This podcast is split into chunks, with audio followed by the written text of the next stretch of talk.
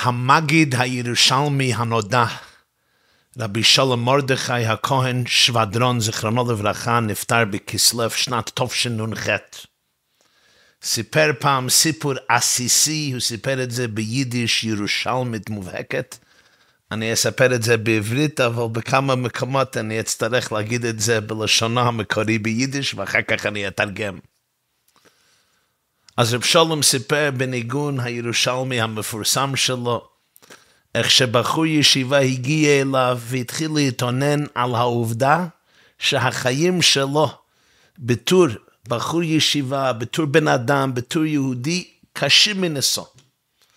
והוא סיפר לרב שלום מרדכי איך שהוא מתקנא בבהמות. הוא אומר, הבהמה הזו לא צריכה לאכול במזלג, בסכין, בכף, בקערה, לא צריכה לצאת לבית שימוש, לא צריכה להתלבש בלבושים מתאימים, לא צריכה להתפלל, לא בבוקר, לא בערב, לא לברך, לא להודות. אין לה שום אחריות, שום סבל, שום מסע בחיים, הכל חד, חלק, יפה, נוח, חופש. הוא אומר, למה אלוקים העניש אותי, עשה אותי בן אדם, עשה אותי יהודי, איזה חיים מלאים עוגמת נפש וסבל. והבחור מתחיל לבכות, אומר לרב שלום מרדכי, זוגדי בואי נוי שלוי לום, פאבו סוסטה מניש גמח, כן בהמה, ריבונו של עולם, למה לא יוצרת אותי כמו בהמה? אז רב שלום מרדכי שבדרון אומר, hab ich gesagt dem Bocherul, Bocher, Bocher, du hast nicht was zu weinen, du bist a Beime. Oi, Bachur, Bachur, גבור, אין לך צורך לבכות, אתה באמת אכן בהמה. למה אני מספר את זה? כי זה נושא השיעור שלנו השבוע. תשע מכות חזקות נופלות על מצרים ועל פרעה מלך מצרים. דם, צפרדע, קינים, ערוב, דבר, שכין, ברד, ארבע וחושך. ולאחרי תשע מכות עוצמתיות, הגב של פרעה סוף סוף נשבר. בפרט לאחרי המכה האחרונה של חושך, שישה ימים, שלא ראו איש את אחיו, לא קמו איש ממקומו, היה חושך, ימש חושך, היה אפשר לממש את החושך. ולכל בני ישראל היה אור במשמותם. סוף סוף, פרעה נכנע. התורה מספרת בפרשת בו, ספר שמות פרק י' פסוק כ"ד, שלאחרי תשע מכות ומכת חושך, ויקרא פרעה אל משה, ויאמר, לכו. לכו עבדו את השם, זהו, נגמר, תלצו מפה. רק תנאי אחד, רק צונכם ובקרכם יוצג. גם טפכם ילך עמכם. אתם יכולים לקח את הנשים, את הילדים, את הילדות, כולם. רק יש דבר אחד, יש תנאי אחד. הצאן והבקר, הבהמות נשארות פה. נו, אני הייתי אומר, לא נורא, לא נורא. העקשן הזה, הסדיסט הזה, המושל בכיפה, הדיקטטור והרוץ הזה, סוף סוף נכנע, בסדר, בוא, נעוף מפה. נקנה בהמות בארץ ישראל, יש בהמות גם שם. לא כל כך נורא. לאחרי מכה השביעית, הוא גם נכנע, אבל הסכים רק לאנשים. הנשים לא עוזבות, הבנים לא עוזבות, הבניות לא עוזבות. משה בן אומר לו, בנערינו, בזקנינו נלך, בבנינו, בבנתנו, בבקרינו, בצאנינו. אבל עכשיו, אני מבין, לא מסכימים לפירוד משפחות, אבל עכשיו, כולם יכולים לצאת לחפשי. בסדר, אני לא לוקח את הצאן שלי, את הבקר, את הבהמות שלי, נמצא חדשות. אני הייתי אומר, משה, תסכים, תעוף מפה. אבל משה רבנו לא מסכים. מה משה אומר לו? ויאמר משה, גם אתה תיתן בידינו זבחים ועולות, ועשינו להשם אלוקינו. לא רק זה, כפי שרש"י והמפרשים מסבירים, לא רק זה שאנחנו עוזבים את המקום הזה עם כל הבעלי חיים שלנו, זה פשוט. אפילו אתה תעניק לנו עוד בהמות, אתה תיתן בידינו זבחים ועולות. ומשה ממשיך, וגם מקננו ילך עמנו, לא תישאר פרסה. כי ממנו ניקח לעבוד את השם אלוקינו, ואנחנו לא נדע מה נעבוד את השם עד בואנו שמה. אפילו פרסה, אפילו רגל אחד של בהמה אחת לא נשארת במצרים. לא חותכים אפילו עבר אחד, כולם הולכים איתנו. כי מהם אנחנו ניקח לעבוד את השם אלוקינו, ואנחנו לא יודעים בדיוק איך לעבוד את השם עד באנו למקום המיוחד. ופה פרעה he loses it. בפעם הראשונה פרעה עובד, פרעה uh, מתקצף לגמרי. העצבים שלו, וואו וואו וואו, הוא נכנס לחריאף, לכעס, לחימה. עובדה, במשך כל התקופה המאתגרת הזו, אף פעם הוא לא נתן התראה למשה ולאהרון שהוא יהרוג אותם. לכאורה, תהרוג אותם, תתפטר, אתה המלך. באים אליך שוב ושוב ושוב עוד מכה ועוד מכה, kill the messenger, תרצח אותם וזהו. אף פעם. תמיד יש איזה, עם כל הבעיות, עם כל המלחמות, עם כל המריבות, עם כל העקשנות, יש איזה יחס של הערכה, של כבוד, הוא קצת ג'נטלמן לפי ערך. אבל פה, אפילו פרעה משתגע. הפסוק מתאר ויאמר לו פרעה, לך מעליי. תסתלק מפה משה, הישמר לך, אל תוסף רעות פניי, כי ביום רעותך פניי תמות. זו פעם ראשונה בכל היחס המורכב והקשה הזו, שפרעה אומר למשה רבנו, תעזוב מפה, ואתה מגיע שוב, ואתה מגיע פה עוד פעם, אתה מת. אחתתו להמת. וואו. ומשה לא מהסס, ויאמר משה, כן דיברת, לא אוסיף עוד רעות פניך. זה בסדר, פרעה. ביי ביי, it was nice knowing you. הגאון רבי זלמן סרוצקי, זכרונו לברכה, בעל המחבר הספר המרהיב היפה, אזנאים לתורה, מציע שבאמת פרעה השתגע פה. המתח שלו פה, פה הגיע לממדים נוראים מאוד. ולמה? הוא אומר למשה, אני התפשרתי, אתה גם תתפשר. בוא נעשה דיל. אני הסכמתי שכולם יצאו מפה. כולם, רק הבהמות. למה אתה צריך להתעקש? כשמשה רבנו התעקש על זה, שאפילו עבר אחד של בהמה אחת לא נשאר במצרים. ולא רק זה, גם פרעה נותן בהמות לבני ישראל לכך. בצאתם ממצרים זה כבר פרעה לא היה יכול לסבול, ושוב הוא התעקש לא להסכים. ואני שואל, מדוע? מדוע באמת משה רבנו סירב? בפרט, בפעם הראשונה כשהקדוש ברוך הוא שולח את משה לגאול את ישראל ממצרים, המסר הוא שעם ישראל צריך לצאת לחופשי, לא, לא הבהמות שלהם. משה רבנו לא אמר את זה בתור תנאי. בפעם הראשונה שנפגש עם פרעה, מה היה המסר? שלח את עמי ויעבדוני. את עמי, לא הבהמות שלהם. מדוע באמת היה צריך לסרב לקנייה הנפלאה הזו לכאורה של פרעה? מה קורה אחר כך? ספר שמות פרק י"א, פרק הבא. ויאמר השם על משה, כשהוא עומד בפני פרעה, יש לו עוד נבואה. השם אומר למשה, עוד נגע אחד אביא על פרעה. יהיה עוד מכה אחת, מכה עשירית. אחרי כן ישלח, את, ישלח אתכם מזה, כשלחו כלה, גרש יגרש אתכם מזה. זהו. אחר כך הוא כבר יגרש אתכם לפי התנאים שלכם. ובאמת, הגיעה מכה העשירית, מכת בכורות, כל בכורי מצרים מתו. בחצות הלילה, ליל פסח, ליל חמישה עשר בניסן, ומה קורה? והיה קם פרעה לילה ההוא וכל עבדיו, זה בפסוק ל', ותהי צעקה גדולה במצרים, אין בית אשר אין שם מת. ויקרא למשה לארון לעלה, ומה אומר פרעה? קומו צאו מתוך עמי, גם אתם, גם בני ישראל, לכו עבדו את השם כדברכם, ואז הוא מוסיף את המילים הגורליות. גם צונכם, גם בקרכם, קחו כאשר דיברתם, והלכו, וברכתם גם אותי. וואו. עכשיו הוא נכנע. תעופו מפה כולם, אבל לא רק זה, גם צונכם וגם קרכם. זהו, העקשנות נגברה כאשר דיברתם. קחו מה שאתם רוצים, תצאו מהמקום הזה.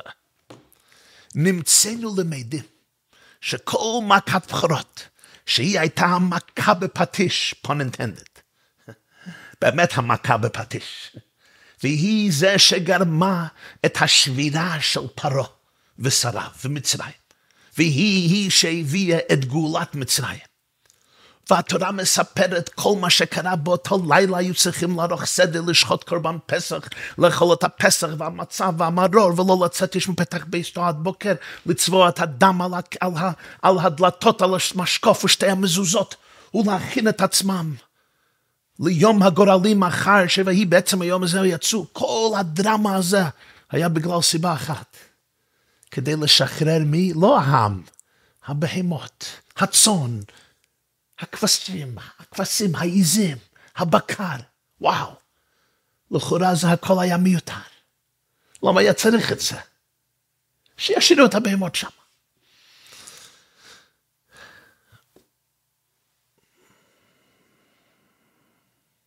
בפשטות, אפשר להגיד שיש פה מסר חד ופשוט, וגם עמוק וגם רלוונטי מאוד.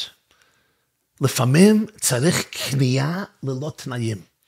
אפילו אם התנאים הם קטנים, אבל עצם העניין שיש קנייה עם תנאים, פירוש, אתה לא נצחת. אם אתה לא נצחת, בפעם הבאה אולי תפסיד. במלחמת העולם השנייה, יפן הייתה חזקה ועוצמתית מאוד, וסוף סוף היא נכנעה לארצות הברית, אבל עם תנאים. עם תנאים. ארצות הברית טבעה unconditional surrender, כניעה ללא תנאים. בגלל זה השתמשו בפצצה האטומית פעמיים. ב-1945 הארי טרומן, נשיא הברית פעמיים, עד שיפן, בלית ברירה, בלית ברירה, נכנע ללא תנאים. למה זה היה כל כך חשוב? כי רק על ידי זה האלייז ניצחו את גרמניה ואת יפן. אם הייתה קנייה עם תנאים, בסדר, אנחנו לא הפסדנו את המערכה. הסיבה שהיו יכולים לבנות מחדש את גרמניה ואת יפן למדינות שהיו מיודדות עם המערב החופשי, ושהתנהגו בצורה נורמלית ובצורה מוסרית, זה כי לא היה לאסונה שום ברירה. הבינו שהכל אבוד, אבוד, אבוד, אבוד. רק אז אפשר לנצח מלחמה רצינית. אחד מהטעויות הגדולות של מנהיגי ישראל. אפילו כשהתחילו לנצח, לא יכלו לסבול את הניצחון הגמור. מאיזה סיבה? והשונא הבין את זה. כוח ההרתעה לא הייתה. קנייה עם תנאים. השונא חוזר, הוא גם ניצח. אני נכנעתי, אתה גם נכנעת, זה בסדר. יש פה שני מנצחים, אבל בעצם השונא האמת, הם אבודים. הייתה להם הזדמנות ללכת עד הסוף. פחדו. למה פחדו? כי הם פחדנים, היהודים פחדנים, חלשים, או אפילו יותר. כי הם יודעים את האמת שזו אדמה שלנו. ראיתם הסרטונים שיצאו לפני כמה ימים, שהחמאסניקים נכנסים לגבול ישראל, אחד מהם צועק לחבריו. נוגע בהבתים, בתים של אחד הקיבוצים, אומר, אדמה שלנו, אדמה שלנו. סוף סוף זה אדמה שלנו. היהודים לא מאמינים את זה באמת, הם אומרים שתי מדינות, שני עמים. אלוקים אומר, זו מדינה שלכם, אנחנו לא בטוחים, אנחנו מהססים, מה יגידו האו"ם, מה יגידו בהאג, מה תגידו בגת, מה, מה תגידו בהאג, מה אומרים אלה, מה אומרים אלה. הגישו את החולשה. משה רבנו מבין שאם מנצחים את מצרים, צריך להיות מיגור טוטאלי. מיגור טוטאלי פירוש, לוקחים את הבהמה האחרונה. פרעה לא מנצח אפילו סנטימטר. פרעה לא מנצח אפילו עם בהמה ועז אחת. למה? כי בלי זה אנחנו אבודים בפעם הבאה. ופרעה הבין את המסר. פרעה הבין את המסר. הוא הבין שהיהודים ניצחו. זה עצמו ביור, אני חושב, ביור לא רע. אבל בשיעור הזה אני רוצה להגיד ביור שני. ביור זה ראיתי לפני כמה שנים בפירוש של הרב הגאון רבי שלמה קלוגר, זיכרונו לברכה. מהרש"ק. שלמה קלוגר היה אחד מגאוני הדור במאה ה-19 ובמאה ה-18 בגליציה, מזרח פולין.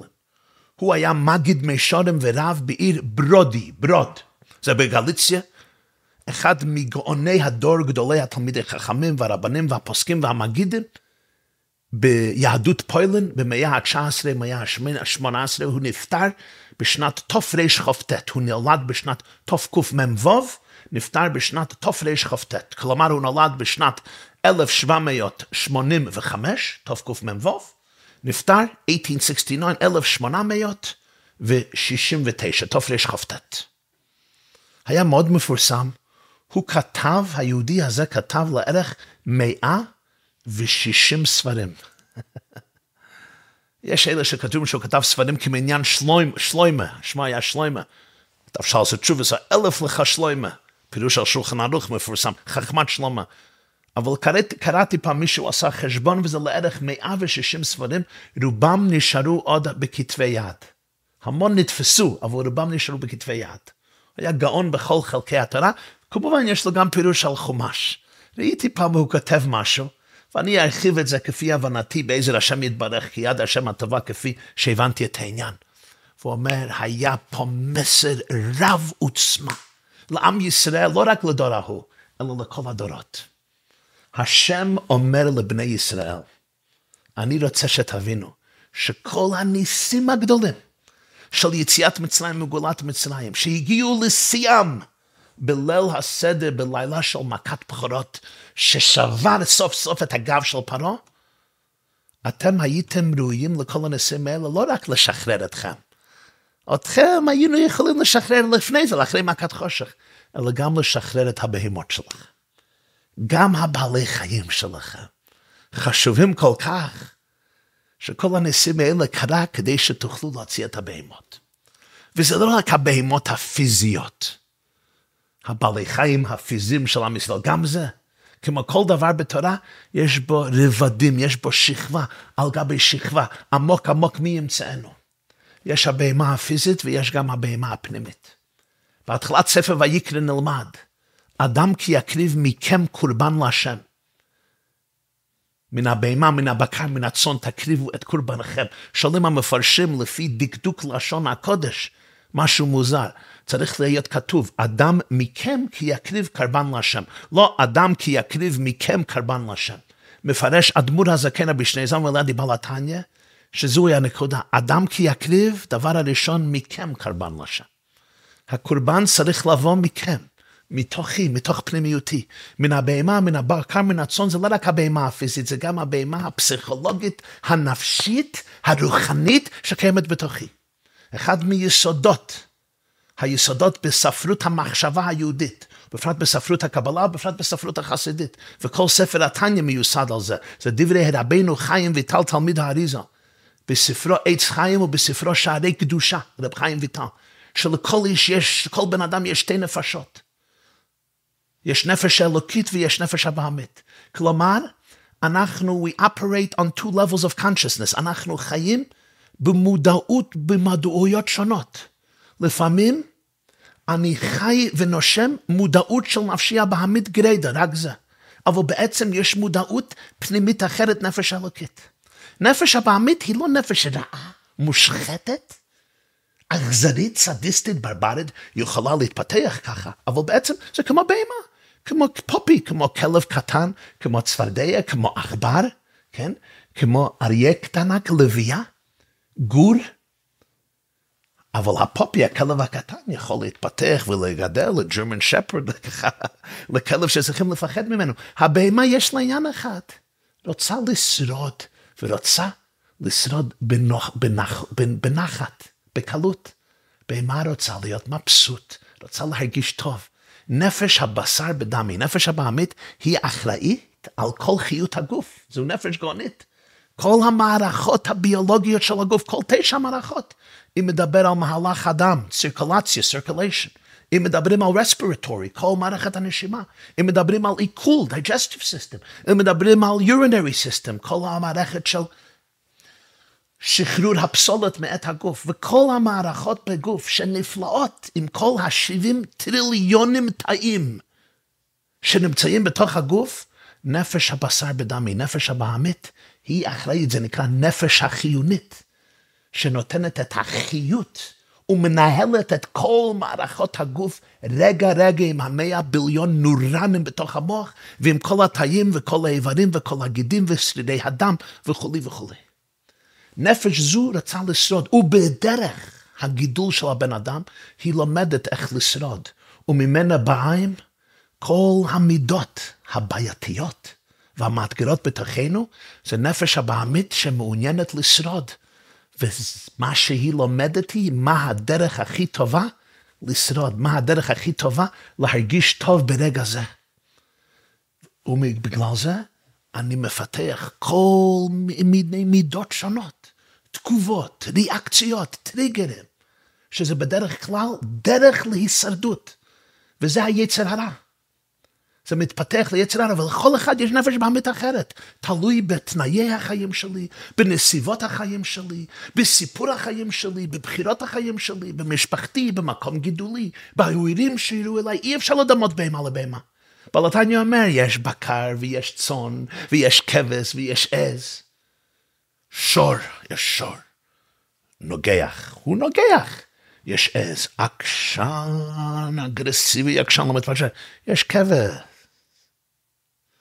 כבש, people pleaser, כבש רחמני. מתוק, מתוק, אבל מתוק לכולם, נחמד ה-people's pleaser, אני נכנע לכולם, הכבש לא מתעקש בדרך כלל. אבל זה גם קליפה של נפש המוות, זה גם דרך להסתדרות. אני צריך שכולם יאהבו אותי, כולם ייתנו לי מחמאות, כולם ייתנו לי מחיית כפיים. אני צריך שכל העולם יאהב אותי, למה? אין לי אמון עצמי, אין לי אהבה עצמית, אני לא יודע את ערך עצמי. וכך עקשן והנרסיסיסט והנוגח והכעסן, כל אחד לפעמים שורדלי הקינות שבי, והשנאות שבי, והתחרויות שבי, והאכזבות שבי, והמרירות שבי. זה הישרדות של נפש הבאמת, אבל יש מודעות עמוקה יותר, מודעות העצמותית והפנימית של היהודי, של הבן אדם, זה נפש השנית בישראל, היא חלק אלוקה ממעל ממש.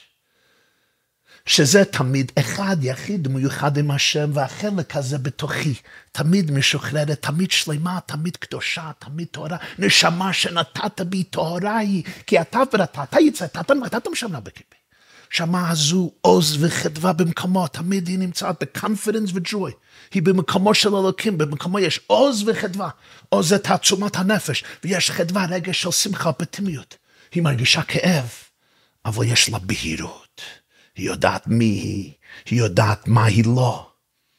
היא מחפשת אמת, דבקות, attachment, דבקות אמיתית באמת, דבקות אמיתית בקדוש ברוך הוא 24 שעות ביממה, שזה בעצם דבקות עם העולם, שזה בעצם דבקות עם האישה ועם הבעל ועם הילדים ועם כל יהודי ועם, ועם האנושות. כי זה דבקות עם האמת. הנשמה הזו מלאה אהבה.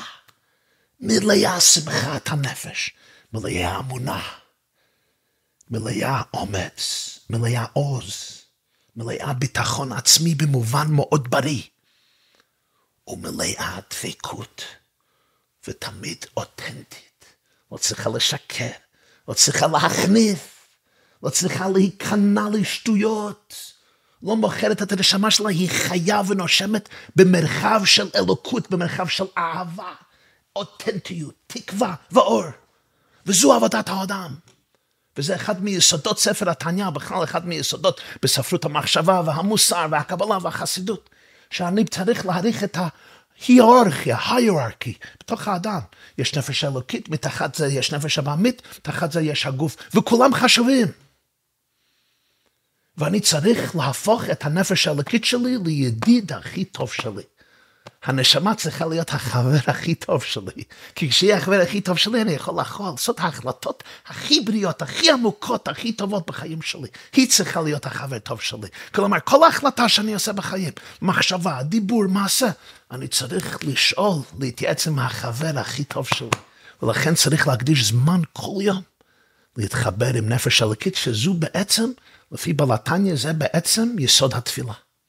הזמן שמקדישים לחיבור אותנטי עם נפשי האלוקית, עם נפשך האלוקית. מגיעים פה לחידושו הגדול של רבנו שלמה קלוגר. כל יציאת מצרים, כל מכת בכורות, זו הייתה הפגנה. שאני רוצה שהבהימה תצא מהגלות. כששמעתי פעם מהרבי מלובביץ' היה אישה נראה בתשמ"ד, אוי, בבכיות נוראות. אומר, הנפש הבהמית גם רצה לצאת מהגלות. זי זוגת, איך ויל ניר זיין הבהמה. היא גם בריאה של הקדוש ברוך הוא, גם בצלם אלוקים. אני לא רוצה להיות בהמה, כלומר, רצונה האמיתית זה לא להיות בהמה מנותקת מנפש אלוקית. היא מתפתחת כל המידות הבהמיות ולפעמים אגרסיביות ולפעמים מאוד נגטיביות ושלילות, כי זו הדרך להישרדות, היא לא יודעת מדרך אחרת. ואם היא סבלה טראומה, ואם היא סבלה התעללות, וכל אחד סבל בחיים בצורה זו או אחרת, לפעמים במובן דרמטי ולפעמים לא, אז אנחנו נכנסים לתרגילים ולצורות חיים ולמבנות בחיים שלנו שמנתקות אותנו מהצורה הפנימית של אדם, אדם אל העליון. אנחנו בוחרים אדם מלשון אדמה. הבהמה לא רוצה, לא, היא לא רוצה באמת להיות בהמה. אני יכול אולי להפגין לה איך היא יכולה לצאת ממצרים. אז לא רק שנחשוב שגם הבהמות צריכות לצאת ממצרים, כל העקשנות כביכול של משה רבנו, כל מכת בחירות, כל סדר פסח זה היה כדי להוציא את נפש הבעמית ממצרים, כדי לגאול את הבעלי חיים, הצאן והבקר והמקנה. בן אדם מסתכל על עצמו ואומר, אה, אני הבהמה. קפצת כבהמה בתוכי עוצמתית, מגעילה, משגעת אותי. אני נמוך, אני נחות, אני מאוס, אני גואל נפש, אני מתנהג כמו בהמה, גמרא בחגיגה, גימל דבורם דמין כמו החשרות, דמין כבהמה. מי אני ומה אני להיגל ממצרים? אומרים לא דווקא בהמה. נתהווה הקדוש ברוך הוא לי את לו דירה בתחתונים, כתוב במדרש. רוצה שאני אגל את הבהמה שלי. וכך מפרש רב שלמה קוגר את הפסוק. משה רבנו אומר לפרעה, וגם מקננו ילך עמנו, לא תישאר פרסה. כי ממנו ניקח לעבוד את השם אלוקינו. מה פירוש הדברים? בפשטות, אנחנו צריכים לקחת את הבהמות כדי לעבוד את השם. אומר, לא, משה רבנו אומר משהו הרבה הרבה יותר. ממנו ניקח לעבוד את השם אלוקינו. זה עצמו שאנחנו לוקחים את הבהמות, זה יעניק לנו דרך בעבודת השם לנצח. לא מבטלים את הבהמה, לא קוברים את הבהמה, לא מתכחשים מהבהמה. אפילו לא מתכסים מהבהמה והולכים אותה לעין ואפס. סוף סוף צריכים לשחרר את הבהמה. צריכים לגאול את הבהמה. גם הבהמה לא רוצה להיות הבהמה. כתוב בתניא פרק ל"ז, מצטט האריזה בעץ חיים. הנשמה אינה צריכה תיקון כלל. אז למה ירדה לעולם הזה? כדי לתקן את נפש הבהמית והגוף. כלומר, כל עניין יציאת מצרים בתוך מובן, במובן נפשי ופסיכולוגי ורוחני. זה לעשות שידוך בין נפש הלקית ונפש הבעמית, ולכן יש פה שלושה שלבים. דבר אחד צריך, צריך לדעת את ההיררכיה. היררכי, נפש הלקית, נפש הבעמית והגוף. דבר שני, אני צריך למצוא דרכים בכל יום להתיידד עם נפשי האלוקית, שהיא תהיה חבר הכי טוב שלי. דבר שלישי, העיקר, שתי הנפשות צריכות להתחיל לדבר אחד לשני. צריך להיות תקשורת, קומוניקציה, כמו שלום בית. צריכים לדבר, להקשיב אחד לשני. נפש הבעמית צריכה להתחיל להבין את נפש האלוקית, ונפש האלוקית צריכה להסביר. להגיש את עצמה, לתקשר עם נפש הבעמית, שנפש הבעמית תבין את האמת, שתבין שכל המידות שלה וההתנהגויות שלה וצורות חשיבה שלה, זה נובעים מחשבונות של הישרדות, אבל השיקולים לפעמים מוטעים בגדול כי הם בנויים על צורה מאוד מצומצמת של החיים שבן אדם מבין לא מי הוא, אז אני חושב שאני צריך לכעוס. שאני צריך לשנוא, שאני צריך לקנא, שאני צריך לדבר לשון הרע, שאני צריך לחיות, לחיות במרחב של קמצנות. של צרות עין, של שלילה ונגטיביות. זה ההישרדות שלי. אני לא יכול לבנות יחס נהדר ועמוק עם, עם, עם אשתי, עם הילדים שלי, עם השם, עם נשמה שלי. הנפש האלוקית יכולה בדרכי נועם, בדרכי שלום, לפעמים צריכים טיפול, צריכים עזר, זה לא פשוט לפעמים, אבל הנקודה היא, הבהמה זכאית ורשאית לצאת ממצרים מלשון מיצרים וגבולים.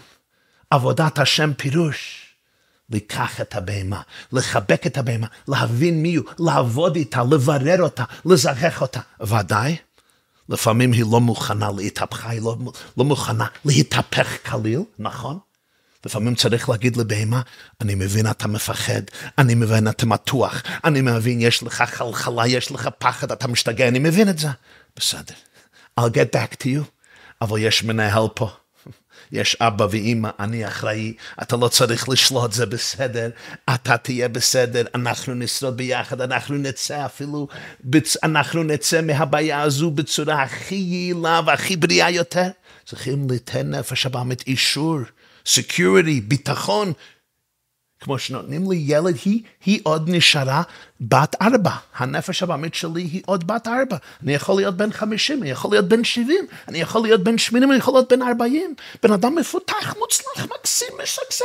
אבל נפש הבאמית לפעמים היא בת ארבע, או בן ארבע, או בן שש, או בן שתיים. תן חיבוק, היא בוכה, היא מפחדת. לא צריך להשתבד אליה, להפך. היא רוצה להיות מונהגת, אבל לעשות את זה בחמלה, באמפתיה, ברחמים, אבל ברצינות, בעקביות. לפעמים צריך להגיד, no, sorry, you're not the boss, sorry, I'm here for you. ובדרך כלל, על ידי עבודה עקבית, מבררים את הנפש הבאמת, מזכחים אותה, מהפכים אותה לאט לאט, וגם היא יוצאת ממצרים. השם אומר, אל תתיישו מהבימה שלכם. אל תשאירו אותה במצרים ותברחו מזה. זה לא החיים היהודים. החיים היהודים זה שחרור טוטאלי. אני אביא את מכת בכורות המכה בפטיש רק כדי לשחרר את הבהמות. כי זו בעצם שליחות הנשמה שלי ושלך בעולם הזה, לברר את הגוף, להגביה את הנפש הבהמית, ועל ידי זה לעזור לאחרים לברר את הגוף ולהגביה את הנפש הבהמית. איך אומר משה רבינו? אנחנו לא נדע מה נעבוד את השם, אנחנו לא עד בואנו שמה. אולי זה בדיוק מה שהשם דורש ממני, לטפל עם הבהמה שלי, לא לקבור אותה, לא להכחיש לה, לא להתכחש לה, לא לאלץ אותה ללך מתחת לאדמה ולעבוד בתת הכרה או לשגע אותי בתת הכרה, לא. לשחרר אותה, לדבר איתה, למצוא שפה משותפת עד שאפשר להעלות אותה, כי בעצם, בעצם, כשיש נפש אלוקית חזקה עוצמתית, הנפש הבעמית שמחה ללכת אחרי נפש אלוקית. היא מרגישה הרבה סיפוק הנפש יותר, כי זה דבקות אמיתית, זה לא רק הישרדות על ידי דברים חיצוניים ושטחיים. ולפעמים בתחילה יש מלחמה, ולפעמים יש מלחמה שוב ושוב ושוב ושוב, ובסופו של דבר יש גם שכנות שותפות, ידידות, ולפעמים התהפכות מוחלטת. ורב שלמה קלוגר אומר שיש בו גם הוראה מאוד גדולה לדורותינו אלה של עקבתא דמשיחא. אנשים חושבים איך זה שדורנו יזכה לגאולה שלמה על ידי משיח צדקנו, אנחנו בהמות. איך אומרת הגמרא במסכת שבת? אם ראשונים כבני מלאכים, אז אנחנו בני אנשים. ואם ראשונים בני אנשים, אנחנו כחמורים, ולא כחמורו של פנחס בן יאיר, חמורים אמיתיים. אז אם הם, בני מלאכים, בני אנשים, לא היו זכאים לגאולה, אז אנחנו החמורים, הבהמות? איך נזכה לגאולה? אה, כדי לבטל את הדבר הזה, אומר רב שלמה קלוגר, אומר הקדוש ברוך הוא, כל גאולת מצרים על ידי מכת בכורות הגיעה עבור מי? עבור החמורים, עבור הבהמות, עבור הבעלי חיים. אף אחד לא מופקע מהבטחת הגאולה, שאף אחד לא יגיד, אני בהמה, הדור שלנו נמוך, נחות, לא ראויים לגאולה. הקדוש ברוך הוא אומר, לא, אלה אני רוצה לגאול. כי כל חלקי הנפש צריכים לצאת לשחרור. אז אפילו אם אנחנו באמת בהמות, אנחנו ראויים לגאולה. אדרבה. כל גאולת מצרים הגיעה לבהמות שלהם הפיזיות, ודאי, שכימי צאתך מארץ מצרים הראינו נפלאות, אומר הנביא מיכה, זה עבור כל הבהמות. הבהמות הפיזיות וגם הבהמות הרוחניות, ובפרט שלאחרי כל מה שעבר עם ישראל, אלפי שנים של ייסורים נוראים וגדולים. עם ישראל מזוכח עד מיצוי הנפש. ודאי יש בעיות, ודאי יש חסרונות, ודאי צריך לתקן, ודאי כל אחד מאיתנו. הזמן לתשובה שלמה לתפילה ותורה, מעשים טובים וצדקה, ובעיקר אהבת ישראל ואחדות ישראל. אבל מסתכלים על עם ישראל, מי יכול לשאר את הזיכוך, הטהרה, הקדושה הנפלאה של עם ישראל אחרי אלפי שנות סבל וייסורים, שבוודאי ובוודאי עם ישראל זכאי וראוי לגאולה שלמה, אמיתית ושלמה, די משיח צדקנו תקף ומיד ממש, אמן ואמן, תודה.